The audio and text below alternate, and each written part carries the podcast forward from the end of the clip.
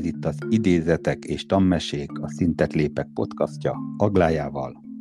És Miklóssal. Szervusztok, szervusz Aglája. Sziasztok, szia Miklós. Na, mit hoztál? Joseph Deltétől hoztam egy idézetet. A legnagyobb művek létrejötténél ott munkál a szeretet és a szenvedély. Uh-huh. Gyors keresésem eredménye meg is van, kérlek szépen. Nem tudtam, hogy ő egy 20. századi francia író és költő volt. Ezt írja egy hirtelen, részletesebben megnéztem meg. Hát na, 78-ban halt meg. Uh-huh. Hozzá kell tenni, 894-ben már 19. század született, tény is vagy a munkája.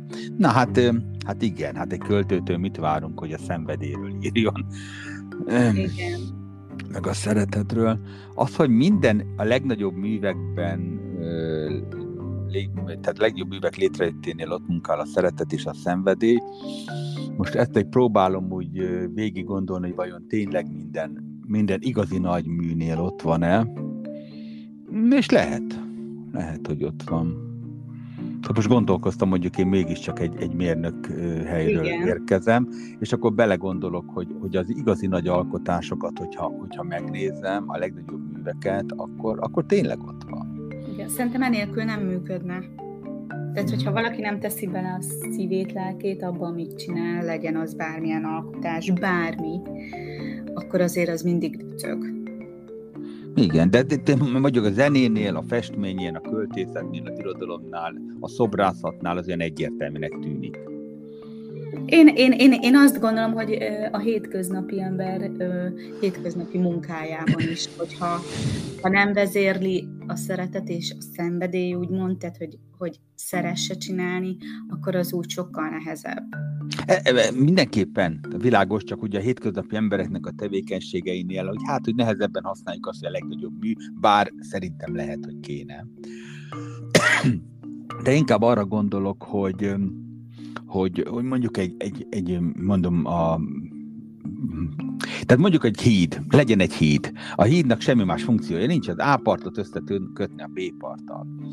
És ezt, hogy megfelelő minőségű legyen, kiállja a, a időjárás viszontagságait, és át tudjon menni az a mennyiségű forgalom, amire tervezik. Ez a híd funkciója. Nincs hmm. más. És akkor, ha elindulsz nézni a hidakat a világba, akkor, akkor úgy, úgy nézel egyet, meg nyelsz egyet, meg le vagy nyugodva, mert, mert az lett. Vagy ugyanígy egy épületnél. Egy, egy sima, egyszerű épületnek a funkciója, ismerünk a város szélén kereskedelmi központokat, az, hogy van egy nagy tér, ami le van zárva, azon belül van egy világítás, lehetőleg mesterséges, ugyebár nem kellenek ablakok, szép nagy doboz, eladjuk a terméket ától Ez a funkcionalitás. Nem is tartjuk nagy műnek. Hmm. De abban a pillanatban, amikor azt mondja valaki, hogy egy városba épít egy irodaházat, és az irodaháznak sincs más funkciója, már elnézést kérek, úgyse lesz mindenkinek ablaka, akkor már egyszerűbb lenne tényleg egy dobozt lerakni, mesterséges világítással, funkcionalitásában lehet, hogy működik. Uh-huh. De mégsem ezt csinálják.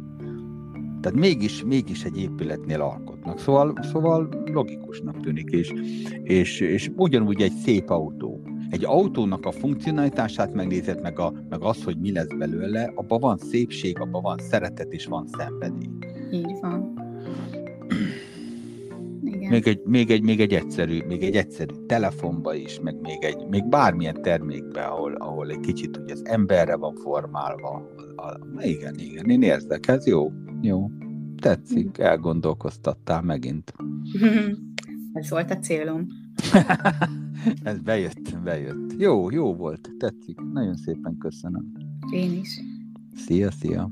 Szia, sziasztok. Sziasztok.